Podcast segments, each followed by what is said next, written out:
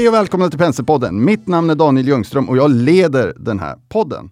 Vi försöker göra en podd som är relevant för den som är intresserad av börs, marknad, entreprenörskap och, och allt annat runt finansbranschen.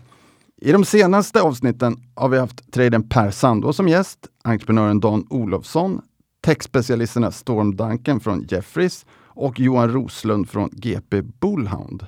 Vad som är gemensamt för dem är att de är män, bara män.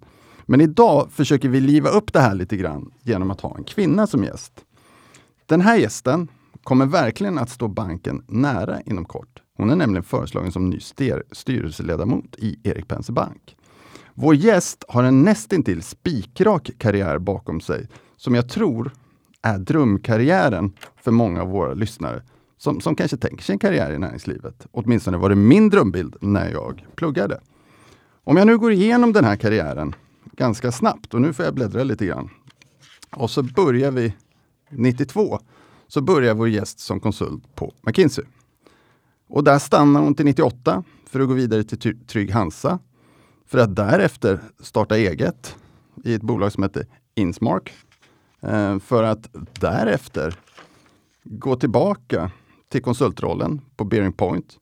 För att återigen hoppa in i försäkringsbranschen och där har hon stannat sedan dess. Hon tog en roll som VD på ICA Försäkring 2016 och där har hon stannat. Eh, om vi ska lite grann nämna vem vi pratar om så heter vår gäst Caroline Farberger. Och jag har läst på inför den här podden och jag hittade då Wikipedia som beskriver Caroline på det här sättet. Caroline Elisabeth Farberger född som Karl Farberg den 29 oktober 1967 i Lund, är en svensk företagsledare. Sedan 2018 är hon VD vid ICA Försäkring. Farberg är uppvuxen i Uddevalla och Lerum. Hon har dubbla examina som civil, civilekonom och civilingenjör. Farberg har tidigare arbetat som managementkonsult och haft chefpositioner på Trygg Hansa. Hon har arbetat inom försäkringsbranschen sedan 1990-talet. Far, Farberger har genomgått en könskorrigering och är den första högre närings näringslivschefen i Sverige som gått ut och berättat om processen. Hon hette tidigare Karl Farberger. 2019 utsågs hon till årets hbtq vid QX-galan 2019. År 2019 debuterade Farberg som värd för Sommar i P1 och blev framröstad av lyssnare som värd i Vinter i P1 samma år. Hon är bosatt i Sigtuna. År 2020 utkom Caroline Farbergs självbiografi Jag Caroline på företaget förlaget förlåt mig, Mondial. Boken nominerades till Årets bok av tidningen QX. Vi ska prata med Caroline om hennes karriär och vilka erfarenheter hon har dragit så här långt. Välkommen till Penspodden Caroline! Stort tack! Roligt att vara här. Vad tyckte du om den där inledningen? Ja, den var omfattande. Jag har nog inte hört någon presentera mig så utförligt eh, sen innan, men den är helt eh, korrekt återgiven. Eh, en av mina grejer med den här podden är att jag försöker få lyssnarna att verkligen hänga med hela vägen. Och då blir det ibland lite långdraget. Mm. Det, det, är faktiskt på samma sätt som må många lyssnare säger, eller många sa tidigare i alla fall, att de vill ha poddar som inte är längre än 25 minuter. Mm. Och, och man vill ha snabba tips. Och då sa jag att om, om man, eller mitt, mitt svar i de sammanhangen var att om man inte orkar lyssna längre än 25 minuter och förbereda sig för vad man ska göra med, med podden och innehållet i podden, då är man inte rätt lyssnare. Mm. Så att eh, jag tillåter mig att ta de här ja, friheterna. Nej, men eh, du fick med rätt mycket där och vill man veta ännu mer så är det helt korrekt. Jag gav ut min biografi i höstas också så att uh, den finns också att köpa. Men jätteroligt, bra presentation. Vi, vi brukar ju, när vi har sådana här specialgäster som du nu är, då vi ägnar ett helt avsnitt åt en gäst, så brukar vi ta det lite grann i kronologisk ordning och börja mm. med uppväxten. Mm. Eh, och det är för att vår, våra lyssnare ska få en bild av vem gästen är. Mm. Så om vi börjar med dig. Berätta mm. om de första åren. Ja, alltså jag är uppvuxen som äldst i en syskonskara utav tre och eh, det är ju i Uddevalla som jag spenderade mina tio första levnadsår och eh, pappa hade ju en fin näringslivskarriär. Han gjorde karriär i slakteribranschen. Han skulle sedermera sluta som eh, regionchef för västra Sverige för, för Scan Väst. Eh, och eh, mamma var högstadielärarinna, så alltså, det, bägge var ju arbetande så sett. Men det fanns ändå liksom ett påbrå utav, vad man säger, liksom lite eh, mer eh, bättre medelklass. Man skulle bli någonting. Jag fick höra minsann att eh, generationer bakom mig hade olika former av tjänstemannatitlar och så. Det var det var viktigt att bli ordentlig och göra någonting. Så att jag kände ett, lite av ett ok. Eh, jag upplevde det inte som ett ok, men ändå en tydlig eh, bild fick jag tidigt i mitt liv. Att jag skulle följa en viss livsbana. Man skulle satsa på en bra utbildning, se till att få bra jobb, se till att liksom ha eh, fru och barn och villa, Volvo, Volvo och så vidare. Det var viktigt. Det var det jag fick med mig. Vad, vad läste du på gymnasiet? Jag läste naturvetenskaplig linje för att eh, jag vill egentligen maximera mina möjligheter. Jag har alltid varit väldigt naturvetenskapligt orienterad. Jag hade elektronik var min stora hobby. Jag hade sån kemilaboratorium hemma också. Jag var väldigt naturvetenskapligt intresserad. Jag har alltid haft väldigt lätt för siffror och matte. Så matte och NO och så vidare var alltid, var alltid det som det, eh, det låg för mig. Eh, så att jag skulle läsa vidare, det var ju liksom på förhand givet. Eh, och lite mer diffust vad jag skulle arbeta med en gång i tiden. Du, du läste dubbel examen? Ja, alltså mitt stora intresse var ju elektronik så att jag, att jag skulle läsa elektroteknik på Chalmers för att vi hade ju efter att vi har bott i Uddevalla tio år så flyttade vi till, eh, till Lerum där jag då är uppvuxen eh, egentligen eh, kan man säga. Så att jag har gått i högstadium i Lerum och gymnasium inne i Göteborg. Och eh, sen att läsa vidare, Chalmers, det var ju liksom på något sätt självklart. Eh, jag var så eh, el elintresserad. Jag skulle nog utveckla mobiltelefoner på Ericsson eller utveckla transformatorer på ASEA som det hette då eller göra någonting på Televerket som det hette. Men, men, du kompletterar med en handelsutbildning? Ja, för att jag var lite, efter ett tag så kände jag, nej, jag kände rädsla av att bli en i mängden på något sätt. Jag ville bli, hur ska jag kunna komma någon vart om jag bara blir en av tusen elektroingenjörer som utexamineras varje år? Inget ont om det, men jag vill bli, en, jag vill bli lite annorlunda. Så att jag såg till, nej men jag ska jag ska se till att läsa en utbildning till. Jag, blir, jag vill bli civilekonom också. Så jag läste parallellt på Chalmers och Handels eh, och eh, för att liksom komma ut med dubbla examina. För då, då blir jag annorlunda. Kände du att du var annorlunda på grund av det när du kom ut? Ja, men det var ju, alltså det, det, var ju extremt få andra personer. Jag kände kanske några andra personer i Göteborg som hade kommit på samma idé också. Men det gjorde ju det att eh, jag blev ju desto mer sparsmaken när det gäller att hitta arbetsgivare. För att alla stora arbetsgivare eh, du vet Ericsson och eh, ASEA och Televerket. Det var liksom, ja men liksom här är ingångstrappan eh, för ingenjörer och så vidare. Jag tänkte att nej, jag vill fortsätta ligga som omkörningsfil. Men så var det en rekryterare från en märklig firma som presenterade sig som McKinsey. Det var den enda som kom i mörk kostym och, och vit skjorta och slips och presenterade sig på Chalmers och de sa att det var ju så nästintill krav att man skulle ha dubbelexamen. Jag kände, men där är, där, är, där är det smalaste nålsöga jag kunde tänka mig. Så att på pin kiv så ville jag för se om jag kunde kravla mig igenom det utan att jag visste egentligen vad det skulle handla om. Och jag kom igenom det, det nålsögat. Och hur, hur, var det, hur, hur gick processen till? Det var uttagningsprov och ja, grejer va? Ja, det var det. Alltså jag blev uppkallad till Stockholm då och, eh, och det var en stor sak eh, för en göteborgare att komma till Stockholm och eh, vi fick ju liksom gå igenom olika case då. Det är ju bara liksom seniora konsulter som, som gör rekryterarna. Man har inga liksom mellanhänder utan det är konsulterna själva och eh, blir utkastad på djupt vatten. Eh, eh, helt utan förvarning så, så växlar eh, anställningsintervjun språk eh, från engelska till tyska som jag påstår att jag kunde i CVn. Allt man påstår att man kan i CV måste man vara beredd att leverera på oförberett i intervjuerna så, så, så att man inte liksom skrävlar. Eh, men eh, jag kom galant igenom. Jag fick eh, erbjudande på stående fot i den avslutande intervjun. Så att det var liksom oj, ehm, oj, nu blir det så här. Får jag fråga då av, av, lite intresse, finns det något ämne under din skoltid som du inte fick bra betyg i? Ja, det var gymnastik, eh, den landade på en trea och eh, slöjd eh, hamnar väl någonstans en trea, fyra ish också. Eh, jag, jag, jag, har nog varit mer av en teoretiker. Eh, musik stannar väl på en fyra också.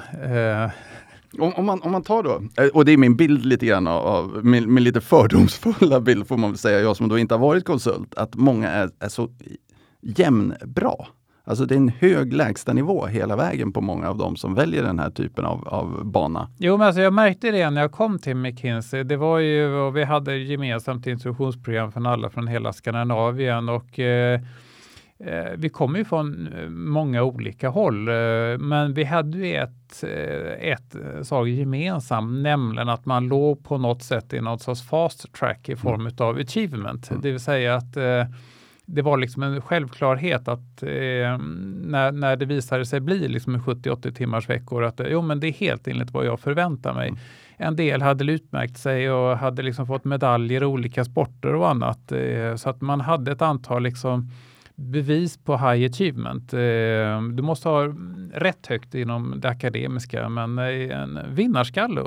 Vem, vem försökte du så att säga Uh, om, om man tar, gjorde du det här för din skull eller gjorde du det för dina föräldrars skull? Ja, eh, det, det blir mer och mer för att liksom, tror jag, älska mig själv och vara nöjd med mig själv för att få någon form av kvitto. Jag ville på något sätt få recognition. Hur, eh, hur ska jag bli nöjd med mig själv? Um, och um, jag hade ju Alltså, så länge jag gick i grundskolan och gymnasiet var det ju betygen och det var det ju för all del i Chalmers och Handels också. Va? Men att jag satte upp, eh, liksom, allt eftersom jag tog eh, kurser på Chalmers och Handels så satte jag upp såna här poängstaplar eh, på väggen. En, en högskolepoäng var en centimeter, ungefär som muckarband. Men att, eh, och på något sätt var det att, att bara liksom hänga med i McKinsey-systemet och eh, hänga med och få sina befordringar där var ett så uppenbart objektivt kvitto på achievement att jag kände att jag är nöjd med mig själv. Sen märkte jag att det är inte rätt många personer i samhället som vet vad det innebär. Men det spelar inte så stor roll, jag visste själv. Skulle, skulle du vilja säga att du har ett bekräftelsebehov? Ja, jag hade det. Uh, jag hade det då. Uh, varifrån det kommer vet jag inte. Uh, det, men uh, så var det utan tvekan. Om, om man tar då, tar då din tid på McKinsey, vad för typ av uppdrag jobbar du med? För man kan ha lite olika ja. nischer, eller ja.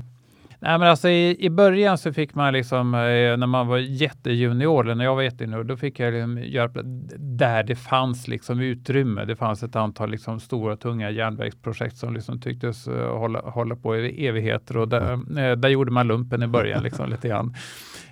Men sen så hade jag turen att komma in på liksom bank och finans. och det, det, det liksom, varje sektor i en sån här konsultfirma leds ju av en partner som liksom är liksom kung inom sitt område. Jag säger manligt kung därför att det var ju icke män. Och Bank och Finans det leddes av en som heter Christer Gardell som, eh, som, som var väldigt liksom en, eh, en stor person på, eh, på firman på den tiden. Och jag kom in i kretsen omkring honom och alla som arbetar med bank och finans. Och där, där var jag lite av en outsider för att alla andra hade läst Handel Stockholm eh, och jag var göteborgaren och, eh, och hade gått på i deras ögon lanthandels. Och, eh, och det var väl okej okay att vara med eftersom jag dessutom eh, var civilingenjör också för att det vore bra med, med någon som kunde lite, lite, lite, lite teknik också. Men, men om man tar då ditt, ditt utanförskap här eftersom du bara hade läst i Göteborg och de andra i mm, Stockholm. Mm, mm. Ledde det till att du kände att du behövde bevisa dig än hårdare? Ja, alltså det, alltså det var väl i och för sig ett objektivt kvitto att bara hänga in i systemet där. Men jag exempelvis, va? jag, jag hade ju liksom när jag började på McKinsey, jag hade ju liksom aldrig handlat med aktier eller optioner eller, eller någonting sånt. Va? Eh, och, eh, och för all del hade ju läst alla kurser man skulle kunna för att, eh, för att vara civilekonom. Jag märkte ju liksom vilken närhet till aktiemarknaden och investeringsmarknaden alla mina kollegor som har gått Handels har. Det, det, det, som, eh, det var ett annat blod där så att jag kände att jag behövde liksom eh, komma in där lite grann så jag fick nästan eh, plugga själv. Inte för att jag hann med att göra några investeringar men ändå liksom det var en lite annorlunda jargong. Eh, lite mer backslick, eh, li, lite mer eh, ja, så ska det vara och så vidare. Och det var fint runt Stureplan och allt vad det var. Upp, upplevde du Christer som, som så skicklig som jag tror många uppfattar honom idag? Hur var det att jobba med en sån liksom, person? Ja, men det var inspirerande. Han, han, var ju oerhört krävande. Han kunde vara fullständigt brutal eh, i omdömet om han eh, kom med ett material som var sloppy och som mm. skulle ut till eh, klienten. Eh, liksom, utan det skulle vara högsta finish, högsta kvalitet. Det fick, det fick ju oss att, liksom, att spara varandra till att bara presentera det, det bästa. Och, eh, han Han hade ju också ganska dåligt, eh, dåligt tålamod med flummiga resonemang också, utan att eh, det var liksom eh, rakt på pengarna. Eh, det är liksom eh, show me the money om man hade någon, någon komplext resonemang. Alltså, vad, vad ligger potentialen i det här? Va, vad skulle du vilja säga? Du, du slutade efter några år? Eller ja, ja, sex, ja, sex år var ja. Vikensia. Va, va, vad är den viktigaste erfarenheten du tog med dig därifrån? Nej, men det är ju att eh, en, eh, en, eh, ett självförtroende att kunna hantera och angripa väldigt komplexa frågeställningar genom att ha en repertoar av metodik. Uh, därför att vi lärde oss väldigt mycket metodik uh, i hur man angriper problem. För, att, för när du kommer in som managementkonsult och, och ska stötta ett företag, du har sannolikt inte löst exakt samma problem eh, tidigare eftersom varje, varje situation är unik, men du har med dig en metodik i ryggen som gör att okej, okay, det här är en ny situation för mig. Hur ska jag angripa den? Hur ska jag bryta ned den i dess beståndsdelar och lösa varje beståndsdel för sig? Det hade jag i och för sig med mig ända från Chalmers, men uh, nu fick jag liksom en, en så merkantil uh, beklädnad utav den. Ja. Efter, efter din McKinsey-period mm. så, så, så, kan man säga att du bockar av nästa dröm för många och det är ju entreprenörskapet. Mm. Berätta lite, lite om det. Ja, men det var jag och en eh, gammal kollega ifrån, eh, ifrån, eh, ifrån McKinsey, Klas Tikkanen heter han, är på Nordic Capital idag. Det är många kända namn runt det. ja, men det är ju så att eh, som, som McKinsey har ju varit en plantskola för många som, som rör sig på något sätt i finansbranschen idag, så är det ju.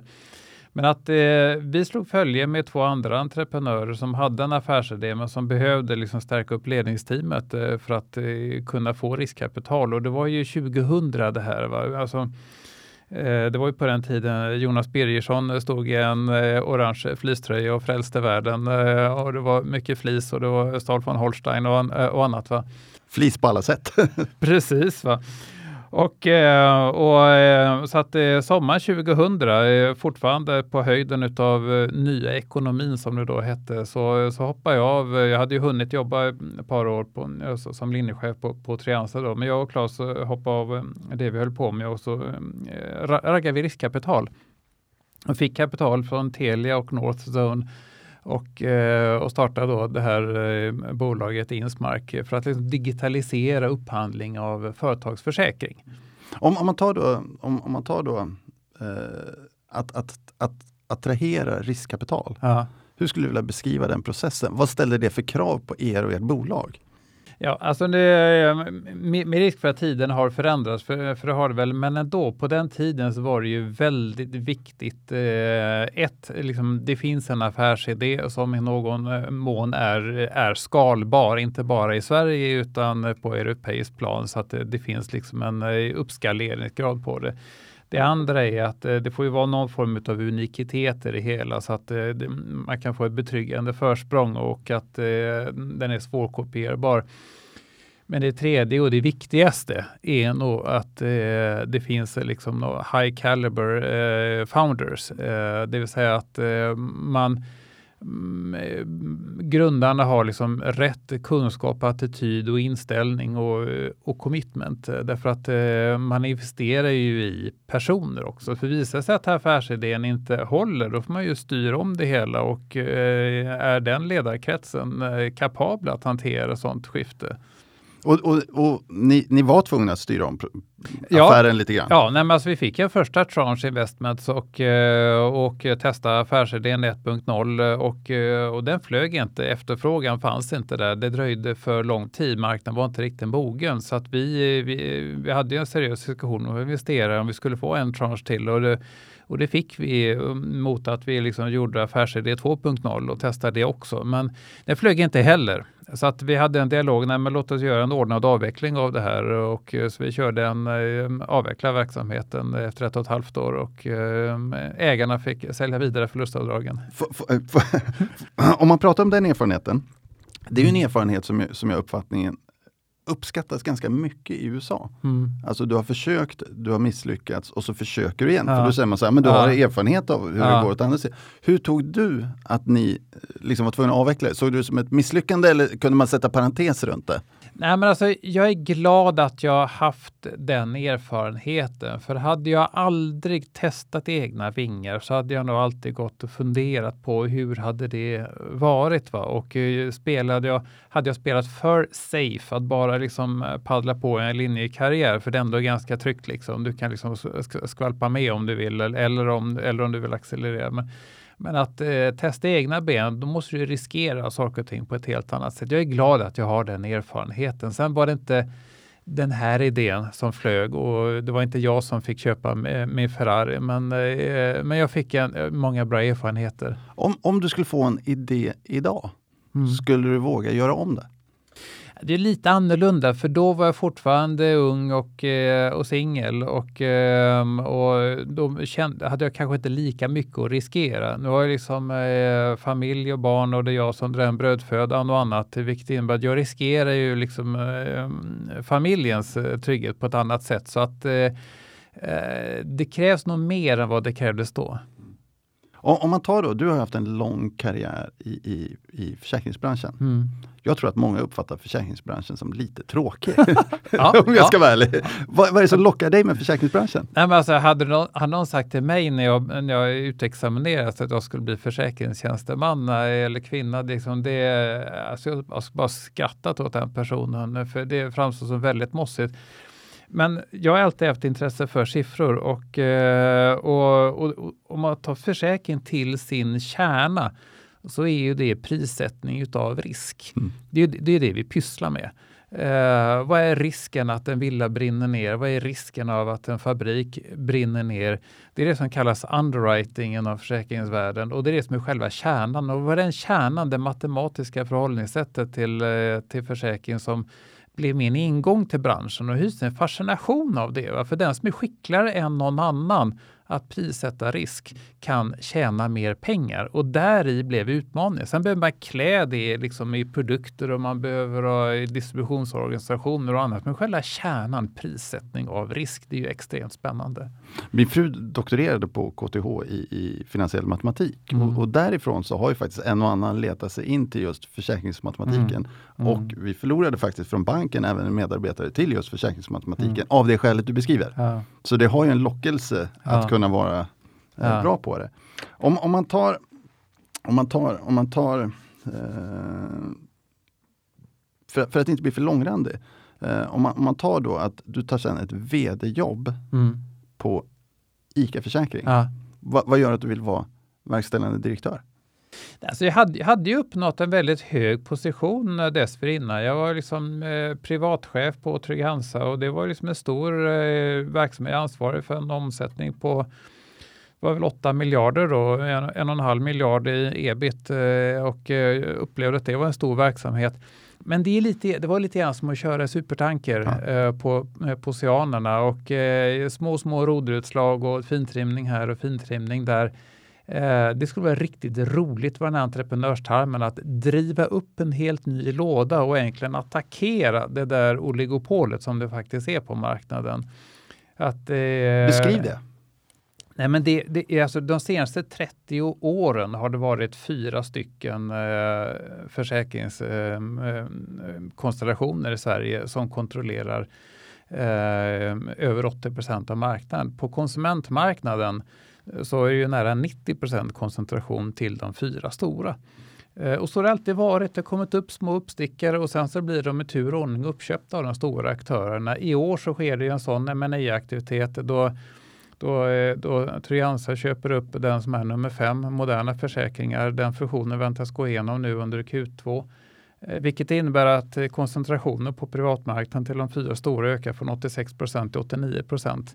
Um, men det, jag finner fascinationen. Nej, men kan man inte göra en kärnentreprenörsresa och eh, attackera oligopolet och göra det från en helt ny infallsvinkel, nämligen retail. Det är så som en spännande utmaning. Berätta om den utmaningen då. Berätta vad ni gör. Nej, nej men utmaningen är ju att ta ett välkänt eh, varumärke, retailvarumärke, ICA eh, och göra vad man kallar en brand stretch. Det vill säga att ICA har, har ju in, inte bara dagligvaror utan även eh, eh Apotek Hjärtat, ICA-banken med, med många banktjänster.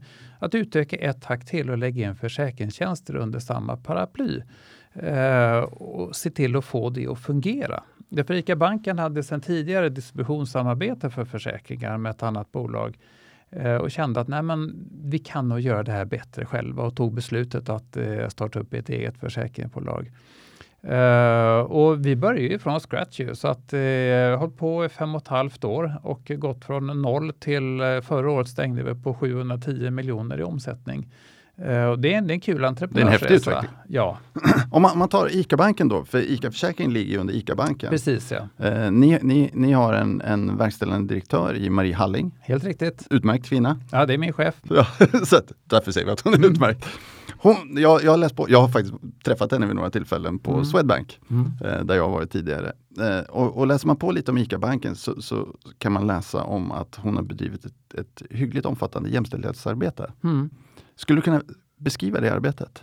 Nej, men alltså, alltså vi, och det, och det tror jag är liksom eh, en del av hela ICAs kultur. Eh, jag kommer ihåg eh, första dagen när jag kom till jobbet på, på ICA och Marie sammanfattade ICAs kultur, att här på ICA tycker vi om varandra. Det vill säga att vi värdesätter varandra som människor och individer och, och premierar egentligen olikheter också. Um, och, och, det, jag kommer ihåg när jag gick in på ICA-bankens kontor. Jag var ju, levde ju fortfarande som man då för fem år sedan. Man i kostym och hur normativ som helst i, eh, i näringslivet och i synnerhet finansbranschen. Jag kom in på, på ICA-bankens kontor och så såg jag en plansch på väggen med en bild på en, på en person. Uh, och det var ICA-Jerry. Och vem är det? Jo, men det är den här skådespelarkaraktären som har figurerat i många reklamfilmer. Och Jerry, han har ju Downs syndrom. Och eh, han var på väggen och det är inte rätt många firmor där du har så uppenbart icke-normativa personer som framhävs så. Men det fick mig att känna att men här kan man faktiskt vara annorlunda. Och det är okej. Okay. Och det var ju fröet till att jag vågade konfrontera mig själv också. Berätta om den, Jag, jag kommer ju naturligtvis komma in på den frågan. Men, men berätta själv om hur det fröet då såddes och växte. Jo, men jag kände mig faktiskt väldigt safe när jag var på ICA. Att, eh, därför jag haft ett, liksom ett eh, mentalt skoskav som jag kallar det vad gäller vem är jag egentligen? Är jag den här personen, framgångsrika mannen, eh, vit heteroman? Eh, mm. Eh, eller är det något annorlunda? Och jag har haft så här feminina dragningar under hela livet som jag skämts jättemycket för. Det passar liksom inte in i bilden. Kan du exemplifiera vad det är? Det kan vara att eh, titta på en eh, vackert klädd kvinna och känna en avundsjuka. Mm. Fine, en, en, sak att känna en eh, dragelse, men att känna en avundsjuka. Jag skulle vilja vara klädd så. Mm. Och känna ett styng av sorg att nej men nu är jag ju man, jag behöver upprätthålla den här professionella fasaden och så skärper jag till mig.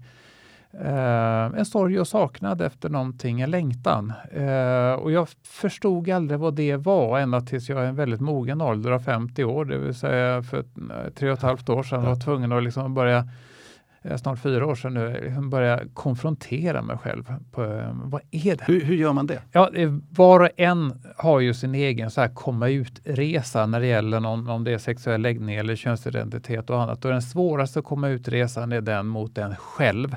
Sen kommer den mot närstående. Och för min del var det att faktiskt testa på vad händer, vad händer om jag klär mig i, eh, i kvinnliga kläder? Inte bara något vad som helst, utan riktigt snyggt och gör det hela paketet snyggt. Gå professionell makeup, professionell peruk, liksom hela kittet så att det ser professionellt ut. Det testade jag en vårdag. Hemma själv eller? eller? Eh, nej, utan det här var ju på stan då, mm. för jag behövde liksom bli professionellt sminkad. Ja, jag tänkte säga det, för ja. om jag skulle försöka så skulle det inte ja, bli bra. och det var en vårdag för eh, nästan fyra år sedan eh, som jag gick ut på stan på Drottninggatan i Stockholm professionellt eh, outfitad som, som kvinna och kände wow, this is it. Eh, jag kände att helt plötsligt så kände jag i, mig i synk med mig själv. Det är så här jag vill möta världen. Eh, jag bryr mig inte ett dugg om att jag antagligen fick en eller annan blick över axeln. Det, det bekom mig inte, tack och lov. Jag känner bara, det är så här det ska vara. Det är ungefär som att inse att eh, om man har kört bil på motorvägen under lång tid och sen så märker man helt, och man, man vänjer sig, det är väl så här bra bilen går, och så märker man Oj förresten, handbromsen är åtdragen. Och släpper man handbromsen och så går bilen så mycket bättre. Man, men det är ju så här bilen ska gå. Vi, vi, har ju lite begränsat med tid, men, men jag har några följdfrågor här faktiskt. N när du gör den här första, att, att du sminkar dig och, och klär dig och så vidare. Det måste vara, eh, som jag uppfattar en liten process att komma dit. Eh, det, alltså, ja, det alltså, måste vara en känsla. När ja. du gör det här så måste du, eh, vad ska man säga, man, man har brutit is på andra områden. Ja. Och då känner man så det är en tröskel. Ja. Hur, hur kom du så att säga, över tröskeln? Nej, men alltså, alltså min, det var egentligen min fru som knuffade på mig, för hon hade sett vissa tecken. Mm. Alltså, med tiden så liksom blev jag mer eller mindre otåligare med liksom hår på mig, kropp och så mm. vidare. Jag började liksom att vaxa och raka mm. håret på kroppen för att jag trivdes så illa med det. Det är inte rätt många män som får för sig att göra det. Va? Mm. Uh, och, så min fru såg ju tecknen och hon ställde frågan till mig en, uh, en dag för drygt fyra år sedan. Vill du egentligen vara tjej? Det är en väldigt direkt fråga. Ja. Jag beskriver det här väldigt noga ja. i, min, i min bok. här. Men jag slog det ifrån, tanken slog ifrån mig först för att tänk om det var så. Det, det, var liksom, det skulle innebära en fundamental omställning. Så jag slog ifrån mig det först. Men hon, hon återupprepade frågan efter någon månad. Och då sa jag att, eller då insåg jag att men det där är ju en livlina hon ger mig egentligen, att utforska det. Så jag kände att jag måste ta chansen. Och jag svarade att jag vet inte, men jag måste undersöka det. Och då började jag liksom verkligen på allvar konfrontera mig själv. N när ni, och du får, säga, får mm. säga nej om jag blir för ingående. Men när, när, du landar i det, Aha. vad gör det med er relation då? Alltså, alltså, det, alltså, den, alltså den, blir ju, den blir ju naturligtvis väldigt förändrad. Och, eh, och vi har ju liksom en, tack och lov en väldigt bra dialog. Eh, och vi har gått igenom den här processen tillsammans. Så det är ju en resa för mig och en resa för henne. Och vi har liksom hittat ett sätt att kunna hantera det hela på. Men man ska vara klar över att det, är en, det kan vara väl så jobbigt eh, för en levnadspartner att gå igenom en sån här förändring också. Sen, sen, sen här, den här processen tar ett tag. Mm. Hur lång tid tar det tills du kan bli, vad ska man säga, den kvinna du är idag? Eh, nej, alltså, det, det, har ju skett, eh, alltså, jag, jag har min process eh, har väl liksom, jag eh, säger att det var tre och ett halvt år sedan från den dagen jag insåg att det är det här jag måste göra. Nu börjar min process. Och jag kände att okej, okay, jag behöver ett års förberedelse innan jag blir publik. Det var två och ett halvt år sedan jag blev publik. Det var ju första sida på DI och, och en del jag annat. Ihåg det. ja, och, eh, och när jag klar, alltså, jag betraktar mig som klar. Eh, så att några år, det är en definitionsfråga, liksom, vad är klar, men att jag är jag är den jag vill vara. Mm. Och du, du, beskrev det, du beskrev det lite tidigare här som att eh, just ICA var ett, var ett bra ställe att göra den här processen ja, på. Ja, men, ja, Va, det, vad, vad, vad gjorde att det var en, ett bra ställe? Jo, men det är den där känslan av att jag blev värdesatt som människa. Uh, för att jag tidigare varit på ställen där arbetsgivarens nöjdhet med mig har stått i direkt proportion till, sel, till senaste halvårets performance. Mm. Och inte bara liksom att bonusen har varierat med performance utan också eh, liksom graden av omtycke av mig som människa. Uh, och det skapar ju en väldigt hög känsla av här, osäkerhet uh, och en väldigt uh, liten vilja av att sticka ut på något sätt. Eh, jag skäms fortfarande än idag att jag liksom inte orkade eh, säga till att jag vill vara pappaledig när barnen kom för, den första barnen kom för 15 år sedan tvillingarna, utan jag, jag liksom vågade inte räcka upp handen och säga, utan jag, därför att jag, jag vill inte sticka ut. Uh, och det gör ont i mig fortfarande, men jag känner det här nu på ICA, det är helt okej okay att räcka upp handen och säga jag har det här behovet för att jag ska kunna må bra och därigenom också prestera bra.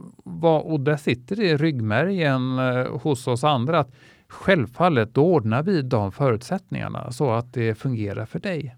Hur, hur är det då? Nu, nu har ju du varit i näringslivet som man mm. och som, som kvinna. Ja. Hur skulle du vilja säga med dina erfarenheter att skillnaden blir?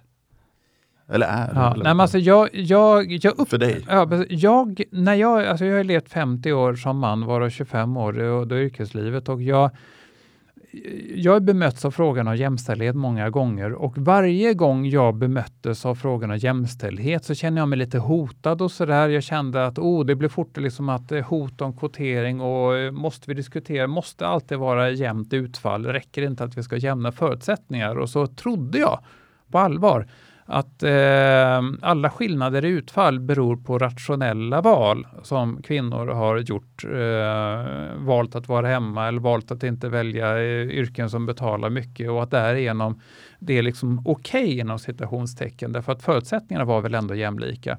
Nu inser jag ju som kvinna efter att ha umgått med väldigt många kvinnor på ett djupare plan att förutsättningarna inte alls är lika. De är det kanske på pappret, men det fungerar inte i den sociala strukturen på på arbetsplatserna. Om, om, man då tar, om man då tar jag, jag är en medelålders man va? Och, mm. och, chef. Vad skulle du ge mig för tips liksom att, att bli en bättre jämställd ledare? Va, för, vad, vad gör vi för fel? Förstå i grunden, eh, försök förstå hur, hur dina medarbetare oavsett kön eh, har för behov eh, för att de ska prestera på topp. En del kan vara så att eh, bara de liksom hinner komma hem och, eh, och laga middag åt barnen och annat eh, så är det fine. De kan liksom eh, pitcha in en extra timme på kvällen om det behövs. En del behöver faktiskt med morgonen hemma eh, och att det är fine utan att man känner att ja, men då missar du morgonmötet eller då missar du eftermiddagsmötet eller någonting. Utan man, man anpassar strukturen på arbetsdagen så att det passar för alla att eh, fundera på eh, och ha en öppen diskussion om vilken jargong vill vi ha på den här arbetsplatsen. Det kanske är uttryckssätt eller maner som, eh, som eh, där kan jag ju peka finger åt mig själv, där jag som chef tyckte att det var bara för att liksom höja stämningen, ha, ha lite högt i tak. Men jag inser ju i efterhand att det var inte så det uppfattades, men jag ställde aldrig frågan, eller ställde jag frågan så gjorde jag det på ett sätt som inte inbjöd till svar. Nej, och det, det, tror jag är en, en, för jag sitter och tänker nu samtidigt som vi pratar, man, mm. man kan ställa frågan. Men, ja. men kommer, jag få, kommer jag få svar som folk tror att jag vill ja. höra eller kommer jag få rätt svar? så att säga? Ja, och, där, och, och, och då inser jag ju att eh, alltså jag ställde ju många sådana frågor innan, eh, både till i öppen ledningsgruppen och en till en-möten till kvinnor. Alltså, oh, jag verkligen förstår din situation och du, du vet att du alltid kan berätta öppet för mig. Och det var först när jag kom ut som kvinna som jag kunde köra andra rundan på de samtalen. Förköra, du, det var ett par saker som jag faktiskt inte kände att jag kunde berätta för dig då.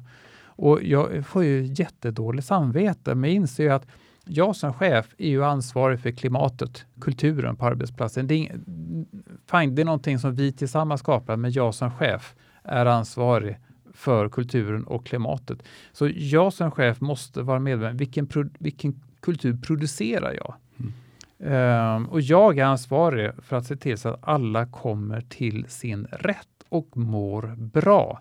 Jag kan inte falla tillbaka på som jag kanske gjorde innan att okej, okay, men det här är ändå arbetsplatsens spelregler och är man med och spelar på dem så har man här att göra, annars får man söka sig någon annanstans. Där har jag varit. Jag är väldigt glad att jag inte är där längre. Om, om man tar finansbranschen då, och mm. det, det, är den branschen jag kan, kan mm. bäst. Jag, jag skulle vilja säga att det är en ganska ojämställd bransch. Mm. Det är ganska svårt att hitta eh, kvinnor till ja. roller. Mm. Jag får ibland frågan, så här, borde vi inte anställa en, en kvinna till den och den mm. positionen? Mm. Och då tänker jag så här, jo, jo det, det, borde vi. Och jag har ringt alla jag kan komma på. Eh, mm. Vilket gör att urvalet är också många gånger lite begränsat. Mm. Hur tycker du företagen ska agera för att skapa, och i finansbranschen mm. speciellt då, för att skapa ett lite, lite jämställdare klimat? Mm. Ja, men alltså det, och, och visst är det paradoxalt, för tittar du på eh, högskolorna och Handels och Stockholm, ja. menar, det är generellt sett så att det, är, att det är tjejerna som får högre betyg och ja. har högre grad komplett examen också. Ja. Men ändå så sker det tapp längs vägen. Och eh, det har inte att göra med att eh, kvinnor är genuint ointresserade utan att det är ju mångt och mycket därför att det av olika skäl tydligen framstår som oattraktivt. Eh, det vill säga vilka personer skickar man fram i rekryteringssammanhangen när man har någon arbetsmarknadsdagar på Handels eller vad det är. Vilka personer skyltar man med i annonser eller numera i olika former av digital media. Eh, vilket intryck av arbetsplatsen eh, eh, ger ut att vara. Därför att speciellt dagens eh, yngre personer är väldigt väl inkännande kring att är det här ett, eh, plats där jag får komma till min fulla rätt? Eller känner jag att eh, nej men det, här är, det här kommer vara bortamatch för mig. Därför det, det är liksom, jag kommer känna mig som en, eh, som en outsider här. Va? Att och, och det är en generell utmaning för hela finansbranschen. Eh, och där behöver ju vi fundera på från början, okej, okay, hur producerar vi en kultur där alla verkligen kan komma till sin rätt? Jag märkte ju, märkte för 25 år sedan när jag hamnade i den här konstellationen på, eh, på, på McKinsey Bank och Finans. Alltså det, det blir ju lätt väldigt liksom grabbig mentalitet och speciellt om man råkar ha konstellationer där ingen kvinna alls är närvarande. Då kan det eskalera rätt fort eh, i vilka skämt som dras och annan jargong. Och, det, och, och sånt där sipprar ju ut. Eh, därför att jag tror kvinnor mer än män använder liksom grapevine och, uh, och frågar, och frågar liksom, eh, mm, ryktesvägen. Vi, jag, jag, kikade på Ekonomibyrån igår som du var med mm. på, på Sveriges Television. Mm. Och då pratar man om, om kapital till, till eh, vad ska man säga, olika typer av företag mm. där, där, kvinnor eh, har olika grader av representation. Va, vad skulle jag säga, för, för, man kanske ska ge något tips till kvinnorna också. Mm. Eh, utifrån din erfarenhet nu som man och kvinna. Mm. Liksom, vad är tipset till kvinnorna att göra? Uh, oj, uh, nej men alltså egentligen, egentligen är det att um, alltså, inte falla i fällan att okej, okay, nu måste jag bete mig som en man eftersom det här är en mans värld, vilket det tyvärr är. men att spela på sina styrkor istället. Men det, men, det, men det innebär ju också att föra lite väsen om sig om sin affärsidé. Var kaxig, eh, ha högt självförtroende om, de, om den idé du har. Uh, det jag hör är att, uh, att uh, alltså många män kanske väljer att pitcha för sin idé i ett ganska tidigt stadium innan den är helt verifierad och så vidare. Och så I will wing it mm, ändå. Va? Många kvinnor kanske känner att nej, men vi måste liksom ha, liksom, det måste vara lite, lite mer verifierad och solidifierad och så vidare. Um, ha högt självförtroende, pitcha för din uh, idé uh, tidigt stadium, hör av dig till många riskkapitalister uh, och, um, och uh, var kaxig. Om, man, om man backar bandet lite grann, för det var en liten fråga jag tänkte på som jag kom, glömde bort. Och det är din förväntansbild över att bli kvinna, reaktionerna. Mm. Hur, hur var reaktionerna i relation till din förväntansbild? Ja. Uh, ärligt talat så hade jag faktiskt inte hunnit bygga så mycket av en förväntansbild för att jag kom ju ut uh, som kvinna för omvärlden då i augusti 2018 och det hade varit en monumental mental ansträngning utav mig dessförinnan. För det var verkligen en big bang. Jag gick hem som man en torsdag från jobbet, kom tillbaka som kvinna morgonen därpå och samma dag var det så stort i media.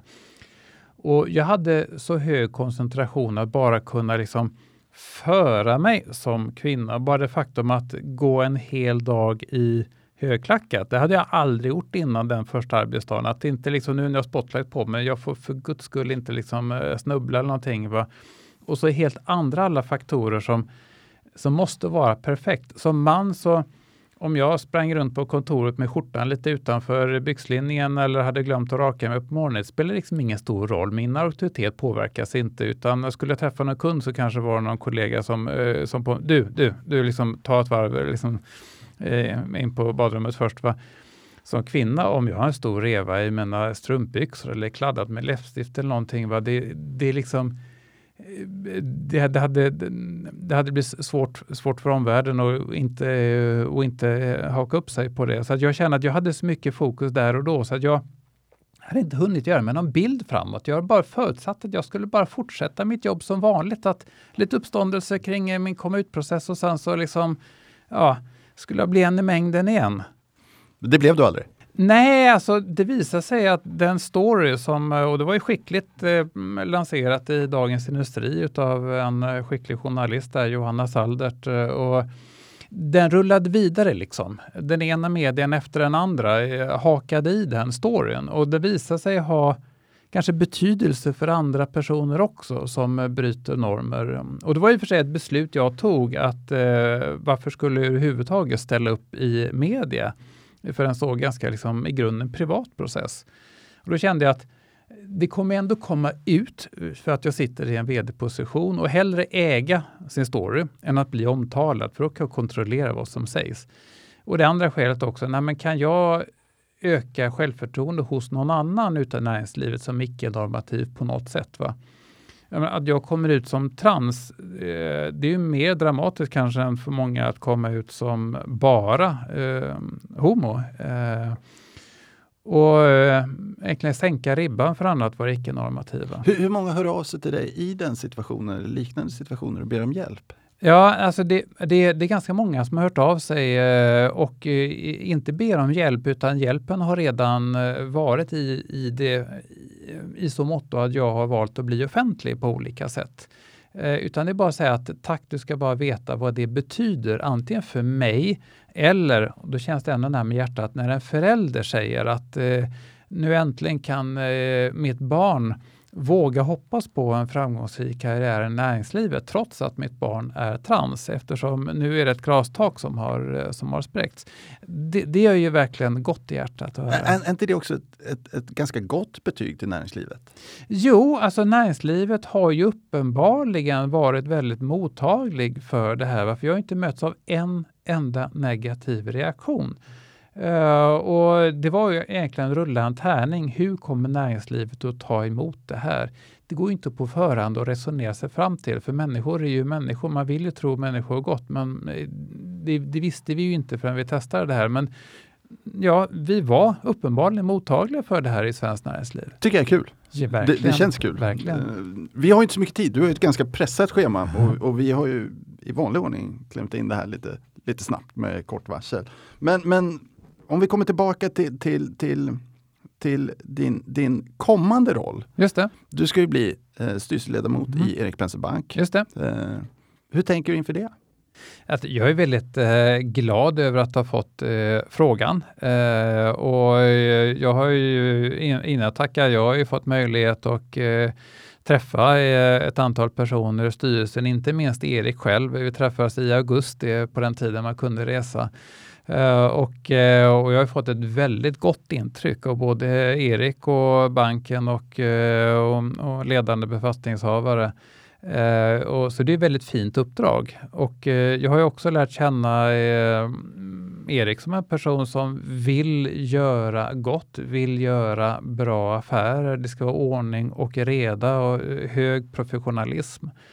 Och jag känner ju också, lärt känna banken under eh, Johans ledning att eh, det, det här är en verksamhet som är välordnad.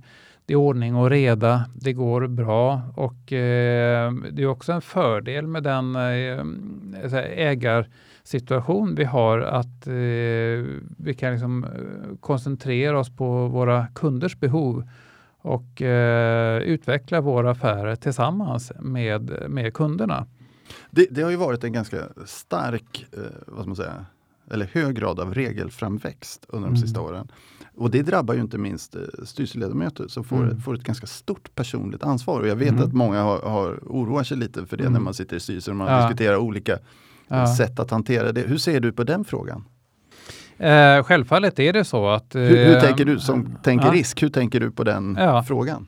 Nej men jag känner som så att jag känner, alltså, eh, eh Sverige, oaktat regelsystem och oaktat eh, personligt ansvar så behöver Sverige banker och några behöver sitta i styrelsen för dem. Och eh, jag upplever mig som både kompetent eh, men också eh, eh, kapabel att hantera den, den riskexponeringen. Men framför allt, jag har högt förtroende för eh, både övriga styrelseledamöter men också banken att eh, vi tillsammans hanterar regelefterlevnaden på ett professionellt sätt. Om, om man, om man, nu ska du inte behöva svara på frågor om banken, men, men en sak som är väldigt signifikant för Erik Penser Bank, det är mm. det personliga mötet. Mm. Mycket av affären bygger på personliga mm. möten. ICA-banken uppfattar jag som en lite mer digital bank, mm. med inte, kanske inte samma grad personliga möten. Ja, ICA-banken har ju två... Eller förlåt, ICA Försäkring. Ja, ICA Försäkring. Mm. Eh, förlåt, ICA Försäkring. Hur ser du att de här två olika ytterligheterna kan gifta sig? Om, ja. om du tänker dig så här, konsumenter blir allt mer digitala. Ja. Vi, vi fokuserar på en ganska vad ska man säga, eh, vi, vi, mm. vi har flera delar i banken, ja. men, men, en stor del av banken och det man kanske ser utåt framförallt bygger på mm. personliga möten. Aha. Hur ser du på det personliga mötet framåt? Jo, men alltså det, utan tvekan har ju liksom hela samhället gått igenom väldigt hög grad av extra skjuts i, uh, i digitalisering nu, inte minst under det senaste året uh, med covid och annat. Bara som exempel, vi har inte haft ett fysiskt ledningsgruppsmöte på över ett år. Um, och, um, och ändå har vi lyckats klara av att hantera det. Det är naturligtvis inte helt utan komplikationer, men jag tror nog att vi, vi går in i ett samhälle med en eh, förväntan om en högre grad av digitalisering i och, och framförallt vi alla har tvingats bli vana vid att hantera digitala möten på ett sätt vi inte klarade tidigare. Och jag har fått öva mig själv att eh, bygga förtroende för andra personer via, via en kamera också. Jag trodde inte det skulle gå innan, men det har visat sig gå. Så att jag ser ju framför oss, alldeles oavsett hur vi hanterar mm, olika saker, en högre grad utav, utav digitalisering. Och, eh, och, den, eh, och hur hanterar vi förtroendet i det personliga mötet? Ja, det får vi ju det får vi hantera tillsammans med, med kundkretsen och utgår ifrån deras behov. Och, och, och, och det, det, måste man ju säga om, om banken att under det sista året så har vi nästan slagit åtta på oss själva för att eh, digitalisera mm. verksamheten med, med Youtube-kanaler och mm. poddar och mm. vad det nu är för någonting. Ja. Och man märker ju att, att eh, det, det, uppskattas av kunderna men man märker också att kunderna börjar uppskatta det du beskriver som det digitala mötet för det blir ju det blir ju nästan normalt. Mm. Det är det normala mötet ja. idag, så det blir ju kanske det personliga mötet också. Så att, eh, nej, det är en spännande utveckling. Vi ska börja avrunda nu, men en grej som vi har som lite specialitet i den här podden, mm. det är att vi brukar lotta ut eh, lite böcker mm. eh, till de som följer oss på Twitter och Facebook och vad det nu är för mm. någonting. Vi har en naturlig bok att lotta ut i, i din egen bok, då, mm. jag och Caroline. Men finns det någon annan bok du skulle vilja rekommendera eh, våra lyssnare att läsa om de, om de vill förkovra sig lite grann? Alltså, jag är ju en eh, junkie när det gäller, förutom eh, jämställdhet och inkludering, näringslivet också ett mer värdebaserat eh, ledarskap och autentiskt ledarskap. Och jag har en, en annan kollega i näringslivet som heter Helene Barnekow. Hon är VD för Microsoft i Sverige som för ett år sedan gav ut en bok som heter Restart som beskriver hennes syn på, på ledarskap. Hon har tidigare varit eh, Sverige-VD för, för Telia också. Eh, som är en jättebra managementbok, Restart av Helene Barnekow.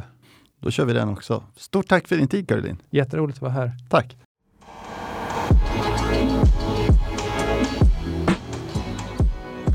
Denna podcast är utgiven av Erik Penser Bank och är avsedd att marknadsföra bankens tjänster. Vissa bolag som nämns kan därmed ha något samarbete med banken i form av fondförvaltning, analystjänster, certified advisor-uppdrag med mera. För mer information om dessa tjänster, fondförvaltning och även bankens hantering av eventuella intressekonflikter vänligen se bankens hemsida www.penser.se. Vänligen notera att investeringar i finansiella instrument inklusive fonder är förknippade med risk. Historisk avkastning är en garanti för framtida avkastning. De pengar som placeras i finansiella instrument kan både öka och minska i värde och det är inte säkert att du får tillbaka hela det insatta beloppet. Ingen del av Penserpodden ska uppfattas som investeringsrekommendation. Informationen är heller inte att betrakta som investeringsrådgivning då den inte tar hänsyn till mottagarens specifika investeringsmål, ekonomisk situation eller kunskap. De uppfattningar som redogjorts för i podcasten återspeglar de medverkandes uppfattning för tillfället och kan därmed ändras. Externa gäster i Penserpodden framför sina egna åsikter som kan avvika från bankens uppfattning. Banken frånsäger sig därmed allt ansvar för investeringsbeslut och för direkt eller indirekt förlust eller skada som grundar sig på mottagarens användande av informationen i podcasten.